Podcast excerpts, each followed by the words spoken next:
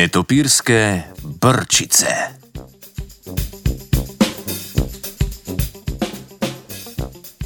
Skupina ameriških raziskovalcev in raziskovalk je v članku objavljenem v reviji Proceedings B pokazala, da nektarivorni netopiri uporabljajo brke za pozicioniranje gobčka med lebdečim pitjem nektarja.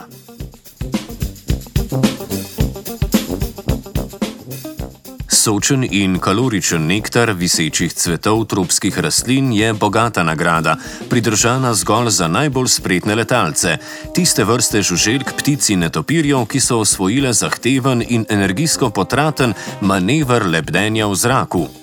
V primerjavi z dnevnimi živalmi pa morajo nočni nektari vorni netopiri premostiti še dodatno oviro.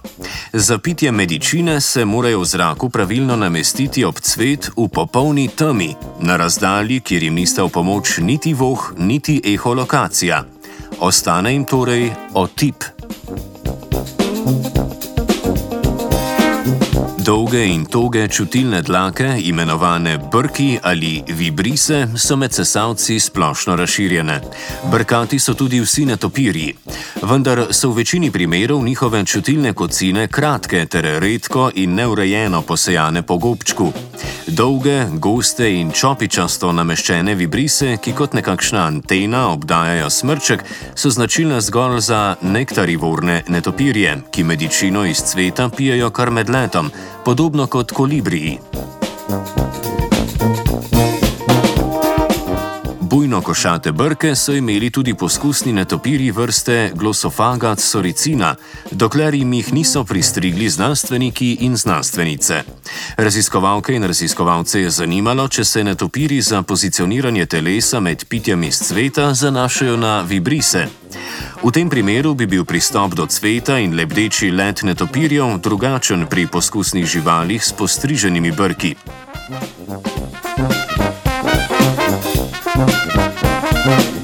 Raziskovalna skupina je z visoko hitrostno kamero sledila položaju telesa in gobčka netopirjev med hranjenjem iz cveta, ki je bil v tem primeru z nektarjem napolnjena steklena cevka.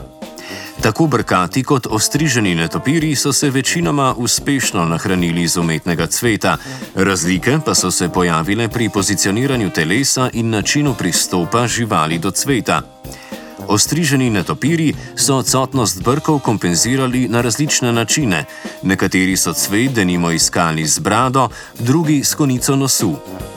V vseh primerih pa so netopiri do cveta pristopili pod bolj plitvim kotom in z drugačno pozicijo glave kot brkati netopiri, ki so jih k cvetu vodile naprej usmerjene vibrise.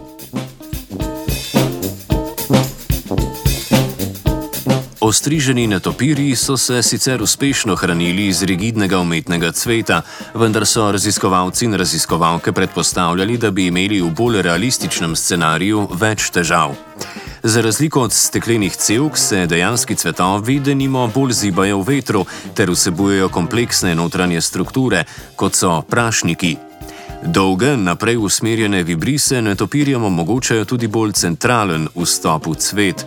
S tem naj bi netopiri med hranjenjem povzročili manj vibracij, ki bi lahko privabile plenilske kače.